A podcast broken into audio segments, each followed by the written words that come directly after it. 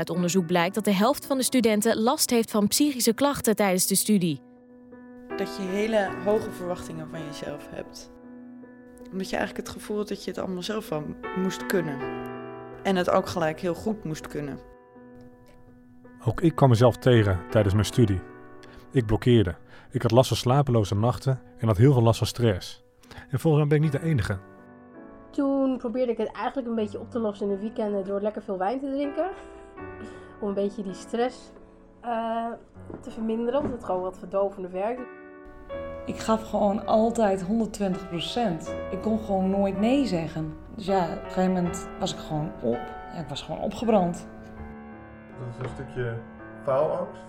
Ja, dus ik lever dingen te laat in. Ik ben nooit tevreden. Echt nooit tevreden. Heel irritant is dat.